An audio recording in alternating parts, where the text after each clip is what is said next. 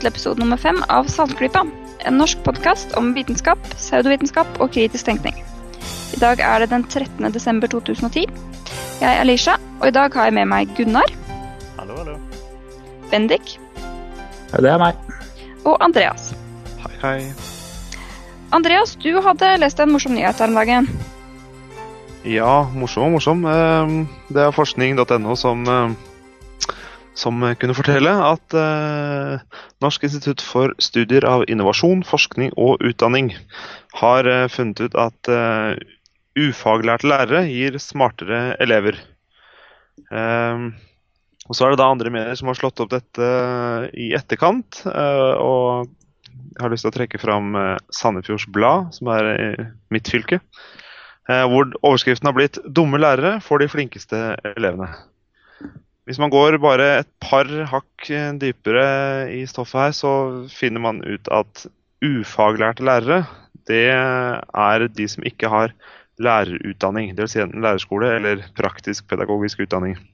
Så det kan godt bety nettopp faglærte, altså folk som har eh, utallige år med fag på høyskole og universitet, men som da ikke har lærerspesialiseringa eller lærerutdanninga. Så det gir et litt, litt spesielt bilde å, å si at det er de dumme lærerne som gir de flinke elevene. Det kan vel kort oppsummeres at det er alltid en fordel å lese litt mer enn eh, overskriften, og journalister kan bli litt flinkere til å sette seg inn i saken. Det er absolutt eh, veldig sant. Det kan nok alle være enig i. Eh, Bendik, du hadde lest noe om et farlig stoff som er i mediene en del i det siste. Stemmer. Nå For uh, ca. to uker siden så kom det norske legemiddelverket ut og advarte mot uh, den såkalte Miracle Mineral Solution. En mirakelkur som uh, har blitt lovet for, uh, som en kur for veldig mange diverse sykdommer og infeksjoner. Det som er med Miracle Mineral Solution, er at den inneholder 28% natriumkloritt. Og den skal helst blandes ut i vann eller juice. Det, de som har fulgt med i kjemitimene, vet at da dannes et stoff som heter klordioksid. Som er høyst giftig og er, eh, brukes gjerne som et uh, veldig kraftig blekemiddel ellers. De vanligste rapporterte bivirkningene er vedvarende magesmerter, oppkast og diaré. Dette er jo da ikke ting som tyder på at man blir frisk, disse symptomene. Skjønt de som selger dette her, vil si at uh, dette her er et tegn på at uh, stoffet virker. Kroppen kvitter seg med toksiner, og da blir du verre før det blir bedre. vet du. Ja, i dette tilfellet så er jo da toksinene faktisk uh, den pillen du akkurat tok. Men som nevnt, Legemiddelverket har nå endelig kommet ut og sagt at dette stoffet her er ikke lovt salg i Norge. Og det er ingen uh, legitime bruksområder uh, av det. Hele denne uh, MMS-greia den startet i sommer, var det vel, med en liten walesisk gutt ved navn Rhys Morgan, som lider av Crohns sykdom. Og et av sykdommene som MMS selges veldig hardt for, er nettopp Crohns sykdom. Og han la merke til at dette her danner jo en veldig kraftig syre når, når stoffet lages. Og begynte rett og slett å stille noen spørsmål med hvor trygt det var. Etter kort tid så hadde Rhys Morgan, som for øvrig bare var 15 år på den tiden, klart å få seg en liten tilhengerskare med folk som alle syntes at det han gjorde var veldig veldig flott, skjønt han fikk seg noen fiender også. I, i høst, under uh, Tam London, en uh, The Amazing Meeting, så fikk uh, Rhys Morgan for dette her en premie av James Randy for grasrotskeptisisme. Vi fikk et veldig raskt minutt til å prate med Rhys Morgan på, mot, slutten av, uh, mot slutten av TAM. You want to say? Well, we're standing here at TAM London with Reese Morgan. Hi, uh, could you just quickly tell for the two people who don't know who you are and what, who you are and why, why, why you're here. Well, um, I started a campaign called Bleachgate to get a product called Miracle Mineral Solution banned, um, which is effectively industrial bleach, um, and it's being sold as a miracle cure-all. Um, so I got invited to TAM this year. And you also won an award this year. Yes, I won the James Randi Education Foundation Award for Outstanding Grassroots Skepticism. Which is very well deserved. Yeah, congratulations. Yeah. Thanks. So how how long how how did you sort of get into this whole skepticism thing and uh, Well, I mean, which, the- which way? The first example I saw of um, like public skepticism activism was the 1023 campaign, um, which was incredible. Um, and yeah, then it just sort of grew from there. I mean, I've been part of like a scientific family for a while, and I really like science in school and things. And this just seemed like a good step to take. Did you, have a sort of a favourite speaker at town this weekend? Um, I don't know, it was all brilliant. Like, it's hard to choose one particular speaker who was awesome. But I did enjoy PZ Miser's speak, yes. speech. That was that was brilliant. He's very fun. Yeah, And by the way, can you just tell our listeners how old you are? I'm 15. All right. Good. Well, Thank you very much. thanks for your time. Thanks. Som nevnt så var jo Reece Morgan bare 15 år når han begynte med å gå på tog mot uh, Miracle Mineral Solution, og det skulle ikke mye til. En Twitter-konto og en eh, blogg var alt han trengte for å vekke oppsikt rundt uh, dette stoffet, som eh, jo som sagt er direkte helsefarlig for folk. Det skal ikke mer til. De fleste av oss kan klare å gjøre en forskjell med, i hverdagen hvis, de, hvis man bare gidder. Hvis man eh, stiller litt spørsmål, eller blogger litt eller tvitrer om at noe du vet er helsefarlig, eller noe som eh, du vet ikke virker, hvis du bare sier ifra om det, så plutselig så funker det. Det er eh, ganske flott, dette her. Men nå kan det vel hende at eh, de som tror på dette, også kan opprette en blogg og eh, skaffe seg en Twitter-konto. Er Kjenner ikke du noen, Gunnar, som Jo, det er jo det som er faren, at du kan like godt spre den motsatte informasjonen gjennom den type nettaktivisme og sosiale medier og forskjellig. Vi har jo et lokalt eksempel, for en kan jo spørre seg er det virkelig noen som er gale nok til å innta dette stoffet. Eh, som Bendik sa, så er jo eh, Legemiddelverket gått ut og advart mot det. Men eh, Verdens helseorganisasjon har advart mot det. Mattilsynet har gått ut. Giftinformasjonssentralen og helsemyndighetene i flere land har jo gått ut og advart mot dette stoffet. Allikevel er det altså folk som eh, mener at jo, dette funker som bare det. Og her i Norge har vi jo den etter hvert berykta Helsehilde som gjesteblogg i eh, Trine Grung sin blogg. Eh, hun òg vært og snakka litt i kommentarfeltet til Pernille Nylén sin blogg, der hun forteller litt om sine erfaringer med MMS. Og eh, jeg tenkte jeg skulle bare sitere en kommentar hun hadde der. Der skriver hun altså Dette er Helsehilde, direkte sitat. Jeg bruker det til familien min i stedet for antibiotika med stor suksess. Dobbeltsidig ørebetennelse med 40 i feber, vekke på to dager, mens nabogutten lå i en uke med det samme. Influensa vekk over natten. Så vi har funnet en flott medisin til vår familie. Det er helt kurant. Jeg snakker av erfaring, ikke teori her. Hva skal man si til sånt, egentlig? Altså det er jo Det triste her er at det er én ting om du er dum nok til å faktisk bruke det på deg sjøl, men her har vi altså en mor som bruker det på barna sine. Og da er det plutselig over i en kategori som er skremmende og trist og ja. Jeg får bare håpe at folk flest vett nok til å ikke plukke opp de rådene som Helsehilde sprer om seg.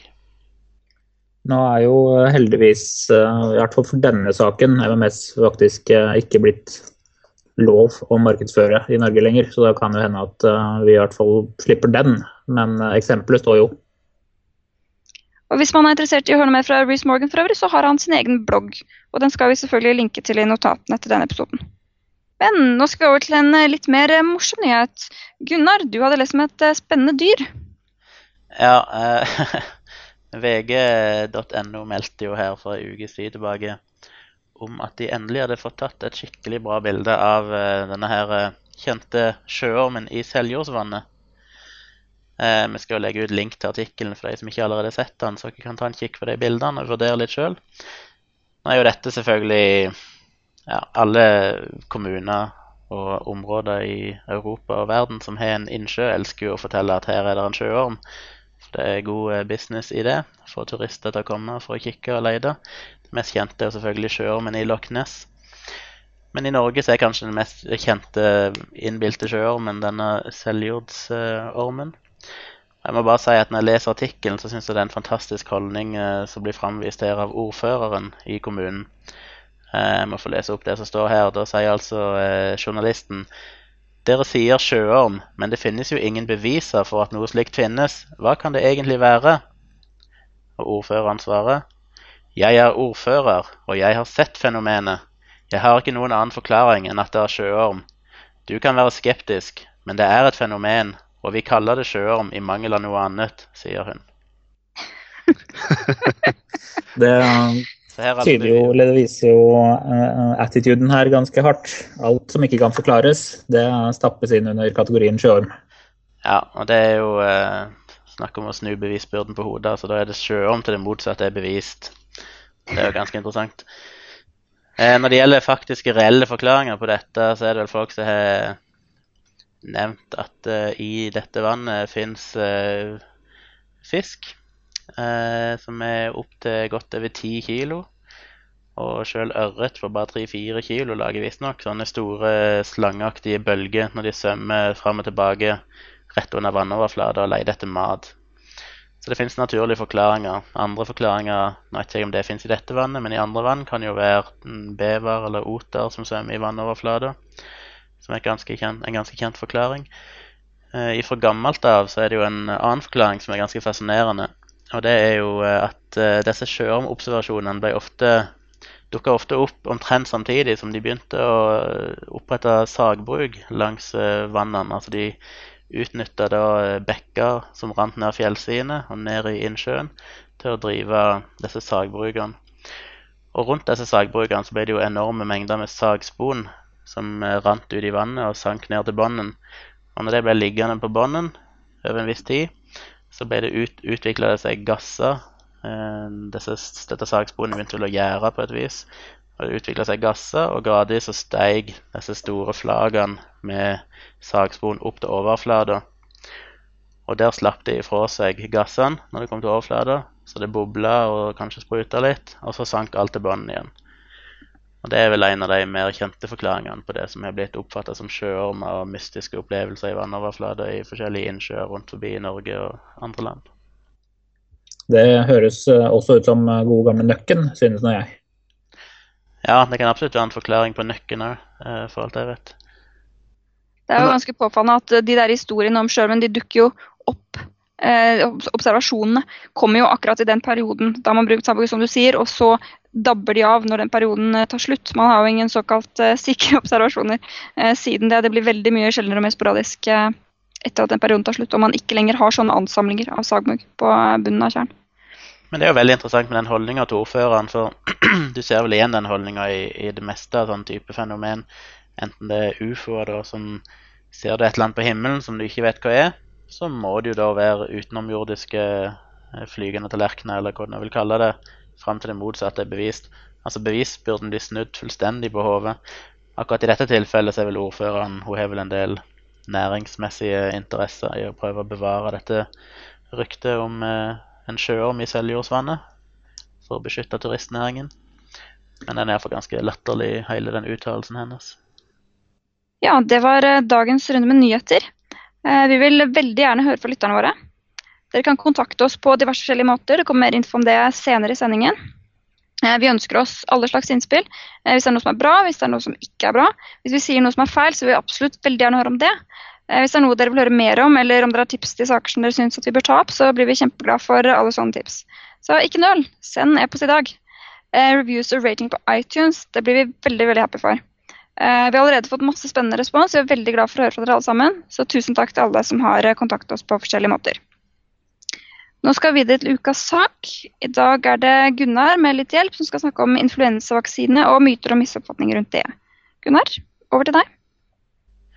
Ja, eh, nå er vi jo midt i influensasesongen igjen, og det store spørsmålet som en del stiller seg, er tør jeg ta influensavaksinen? I fjor var det store hysteriåret med svineinfluensa, eller H1N1-varianten av influensaviruset, som det mer korrekt heter. Og vi husker alle hvordan vaksineskeptikere gikk hardt ut i nettavisenes kommentarfelt, på lyktestolper og gjerde med propagandaplakater, og de sverma som nektarsultne vepser i ulike diskusjonsforum over hele det vide internett. Frykten gikk på nøktern skepsis av typen Kan vi egentlig vite om vaksinen er trygg? til ren konspiranoia av typen Myndighetene kommer til å samle inn alle som nekter å ta vaksinen, i store lastebiler og kjøre de av gårde for å bli tvangsvaksinert.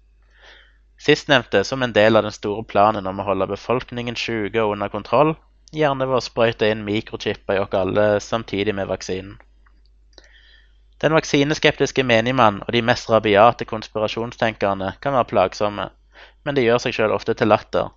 Mer skremmende var det at fagpersoner som skaffer seg billig spalteplass ved å vise sin skepsis til vaksiner i tabloidavisene, for ikke snakke om alt det elendiske journalistiske håndverk som ble gjort i rapporteringen av kontroversen. Her er en kjapp gjennomgang av noen typiske argumenter imot vaksinering. Verdens helseorganisasjon senket terskelen for pandemi for å kunne erklære H1N1-influensaen som en pandemi. Det blir da instruert at dette skal ha blitt gjort for å gi vaksineprodusentene mulighet til å starte utrulling av vaksiner med tilhørende gigantiske inntekter. Men påstanden er feil. Verdens helseorganisasjon har flere ganger revidert sine retningslinjer, og den siste endringen ble fullført i februar 2009 etter en to år lang høringsrunde, før noen visste om det nye H1N1-viruset.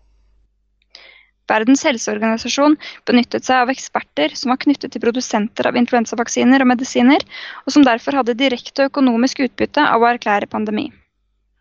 Så vidt jeg kan se er dette en merkelig påstand. Har Verdens helseorganisasjon vært gjennomsiktig nok i sin fremgangsmåte? Kanskje ikke. Men ekspertene som ble brukt av Verdens helseorganisasjon, har i det store og hele ikke hatt mer tilknytning til vaksineprodusentene enn at de har fått betaling og dekka reisene sine i forbindelse med foredrag og konsulentvirksomhet, eller fått økonomiske midler til forskningen sin.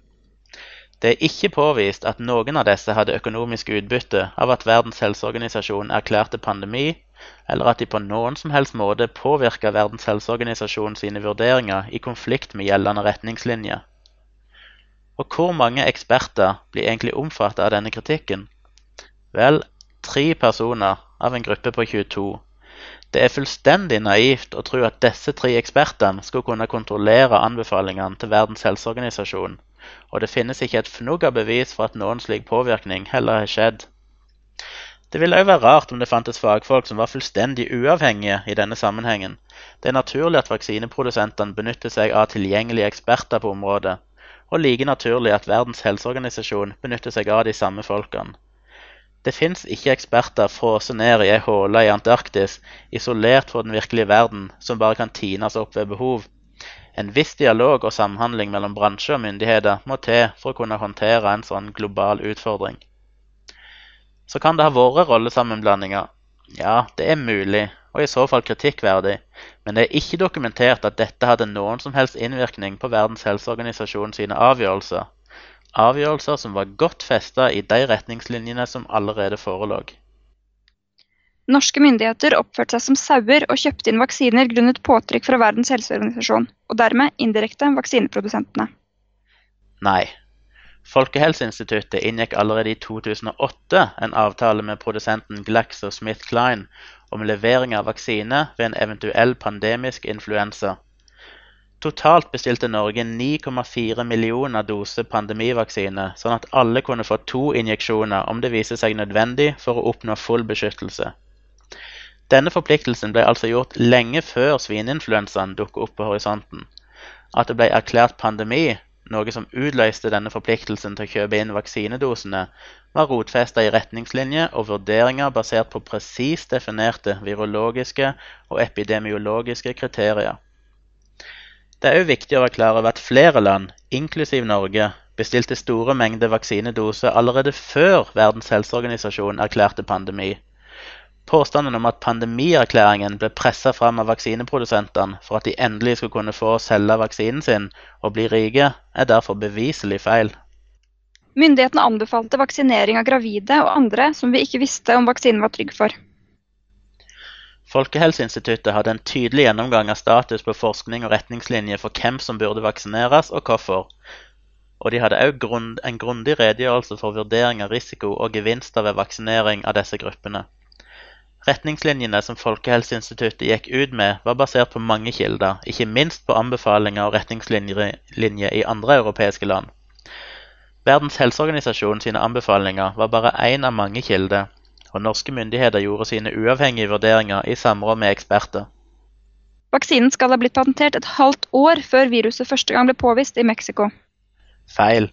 Googler du denne påstanden, finner du riktignok side på side om at selskapet Baxter patenterte en vaksine mot H1N1-viruset lenge før det brøt ut, og tilhørende påstand om at Baxter sjøl sto bak utbruddet for å tjene penger på vaksinen de hadde patentert.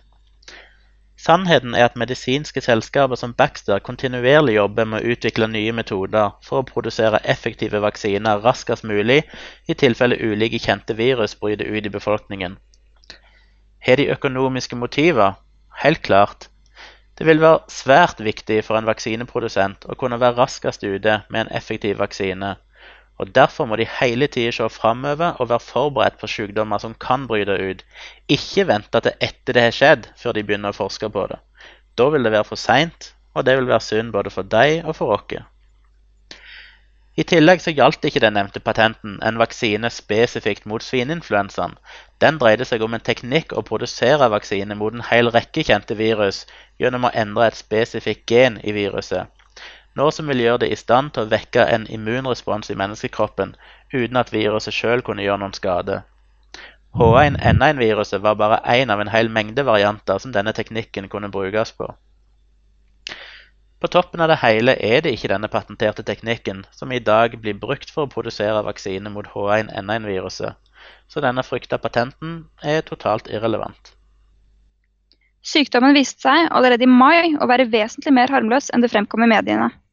Dette baserer seg på en klassisk misforståelse om at vaksinering bare er relevant for å hindre dødsfall. Det er det ikke. Mye av bakgrunnen for massevaksinasjonen var å hindre at store deler av landets arbeidere skulle bli liggende syke med influensa, med de samfunnsproblemer det ville medføre. Det er riktig at eh, en etter hvert innså at de høye dødstallene som ble rapportert fra Mexico i en tidlig fase, ikke var representative for sykdommen generelt.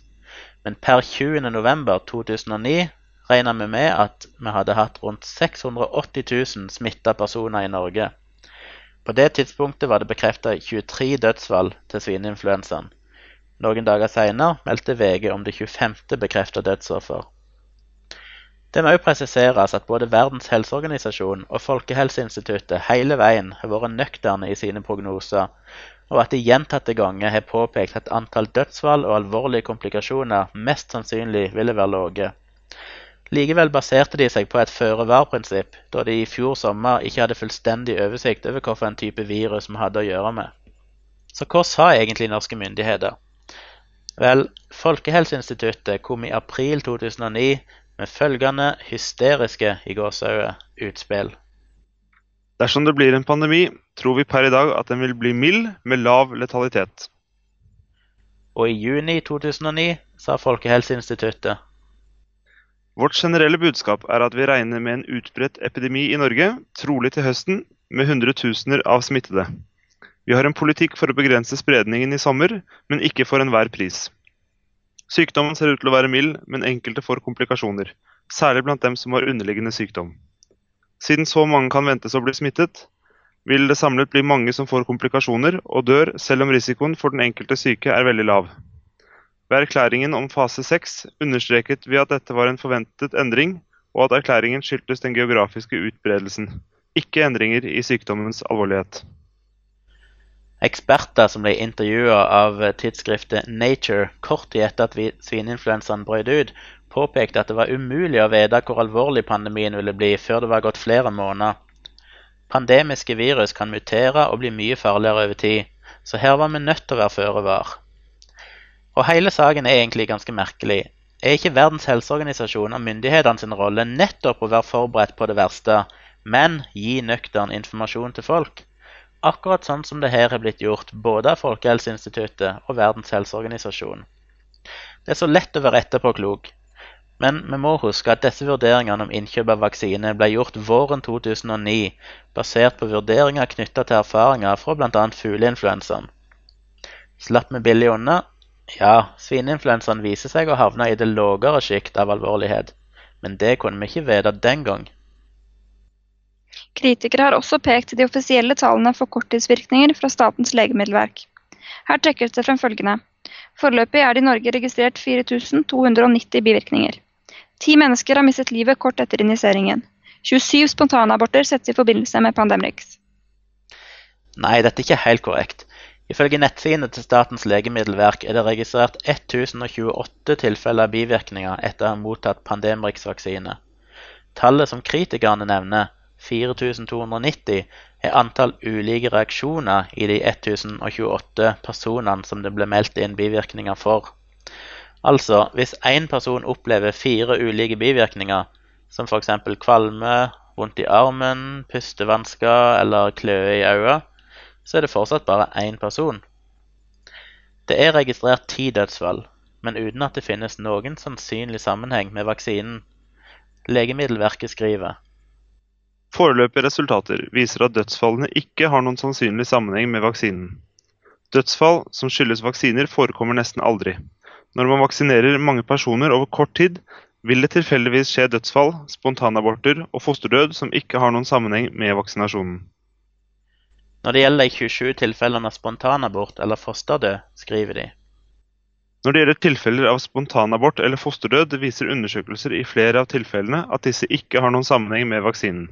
De øvrige har trolig ingen sammenheng med vaksinen, men flere undersøkelser er nødvendig før endelig konklusjon. Men dette sier ikke kritikeren, og dessverre ofte journalister noe om. De framstiller det fullstendig uriktig, som om Statens legemiddelverk erkjenner at det har vært en del dødsfall og spontanaborter knytta til vaksinen. Altså det rage motsatte av det Statens legemiddelverk faktisk sier. Kritikerne hevder at flere er blitt lammet av nervesykdommen Guillain-Barré syndrom. Ja, vi kjenner til fem mulige tilfeller av Guillain-Barré syndrom, og bare tre av dem er faktisk bekrefta. Av de tre har ingen vært definitivt knytta til vaksinen. Og det er viktig å merke seg at infeksjoner som f.eks. influensa har høyere sjanse for å gi Guillain-Barré syndrom enn det vaksinen sjøl har. Dessverre later det til at norske myndigheter valgte det farligste av de 20 foreliggende vaksinasjonspreparatene. Man kunne f.eks. benytte seg av det kvikksølv- og adjuvansfrie vaksinetilbudet fra Baxter, som i ettertid viser seg å ha forårsaket halvparten så mange dødsfall. Isteden valgte man Pandemrix fra GlaxoSmithKline, hvor den norske stat innehar aksjer til en verdi av mer enn 9 milliarder kroner. Vi har null dødsfall knytta til Pandemrix-vaksinen i Norge. Hvor mye tryggere mener kritikerne egentlig at det bør være? Og vaksineprodusenten Baxter er jo det samme selskapet som en del konspirasjonstenkere kritiserer for å ha stått bak hele epidemien. Burde den norske stat virkelig ha støtta dette selskapet i så fall? Skal en først legge konspirasjonsteoretiker, så må en i det minste være konsekvent.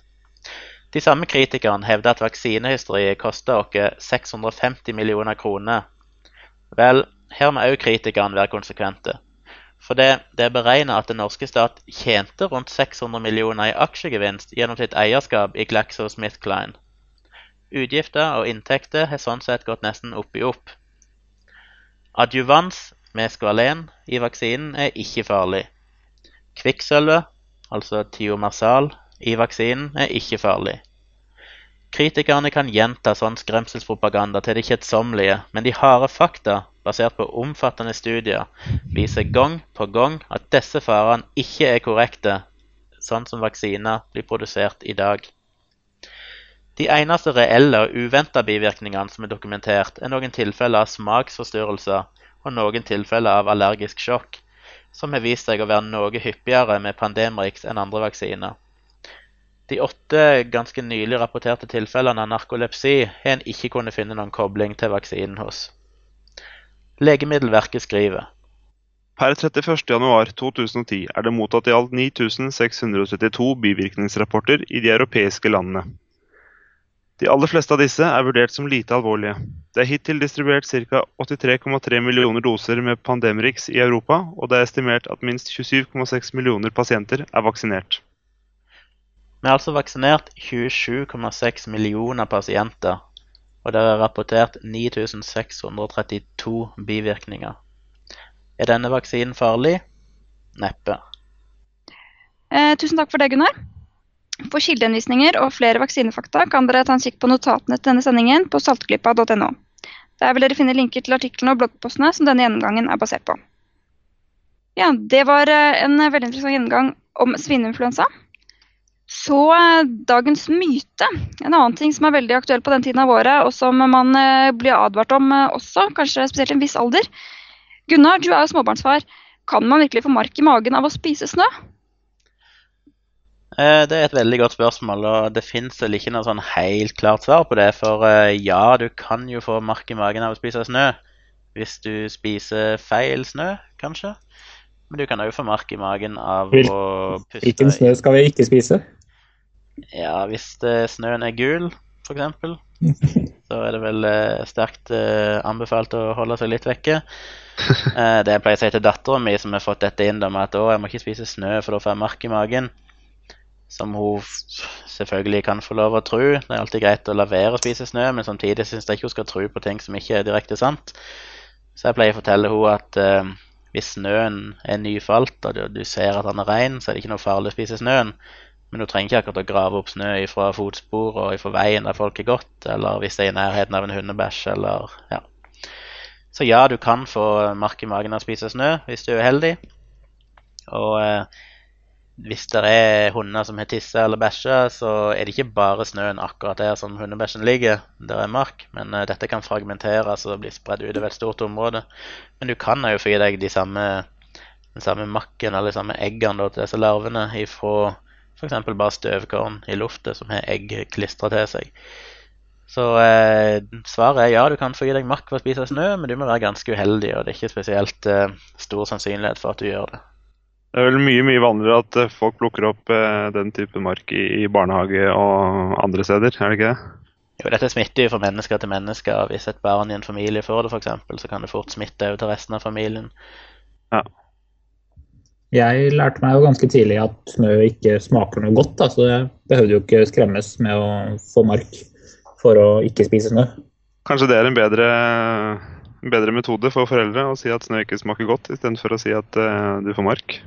Ja, unger er jo egentlig ganske Det er ganske kjent at unger liker å spise meitemark, er det ikke det? Så det å si at det er mark i snøen, er vel egentlig bare en liten sånn apatiff for deres del. Det var det, det, var det jeg trodde. Jeg, når jeg var liten, så var jo meitemarken den eneste marken jeg kjente til. Så da trodde jeg at det var meitemark. Og jeg, jeg ville tro at jeg ville klare å se den før jeg spiste den. Veldig bra. Ukens anbefaling det er en bok denne gangen. Og det er en bok som eh, passende nok handler om myter, men eh, ikke myter om helse og snøspising, derimot eh, myter om språk. Den heter 'Norsk er et lite språk som er i ferd med å dø ut'. Og Den er skrevet av Guro Fløgstad og Anders Vaa. De er stipendiater ved Institutt for lingvistiske og nordiske studier her i Oslo. Og den boka deres den kom tidligere i år.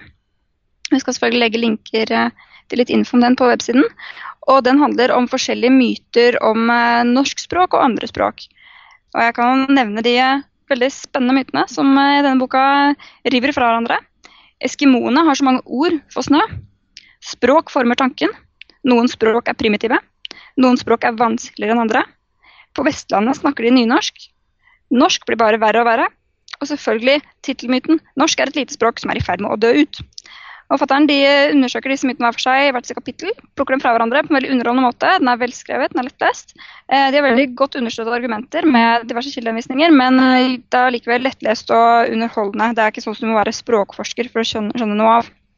Eh, så alle som er interessert i språk generelt, og særlig det norske språket, som altså slett ikke er lite og slett ikke er i ferd med å dø ut, de bør lese denne boka her. Veldig morsom og veldig underholdende bok med masse spennende info. Den Ja. eh, tror jeg nok jeg skal plukke opp etter hvert. Det anbefales. Eh, Det var det vi hadde i dag. I neste episode skal vi snakke bl.a. om såkalt eh, synske personer og teknikken som heter cold reading. Vi skal ha nyheter, vi skal ha en myte og forhåpentligvis en spennende anbefaling. Så da håper jeg at vi høres igjen. Ha det. Ja, det godt, altså. Hei då!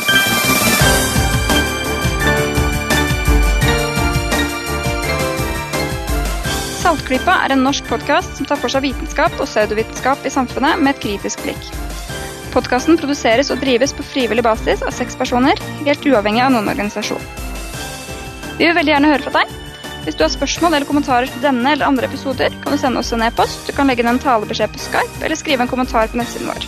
Du kan finne oss på Facebook og på iTunes. Informasjon om dette samt linker og notater til det vi har snakket om i denne episoden, finner du på saltklypa.no. Denne podkasten er produsert med skvalen og kvikksølv, men den tar nok ikke livet av deg av den grunn.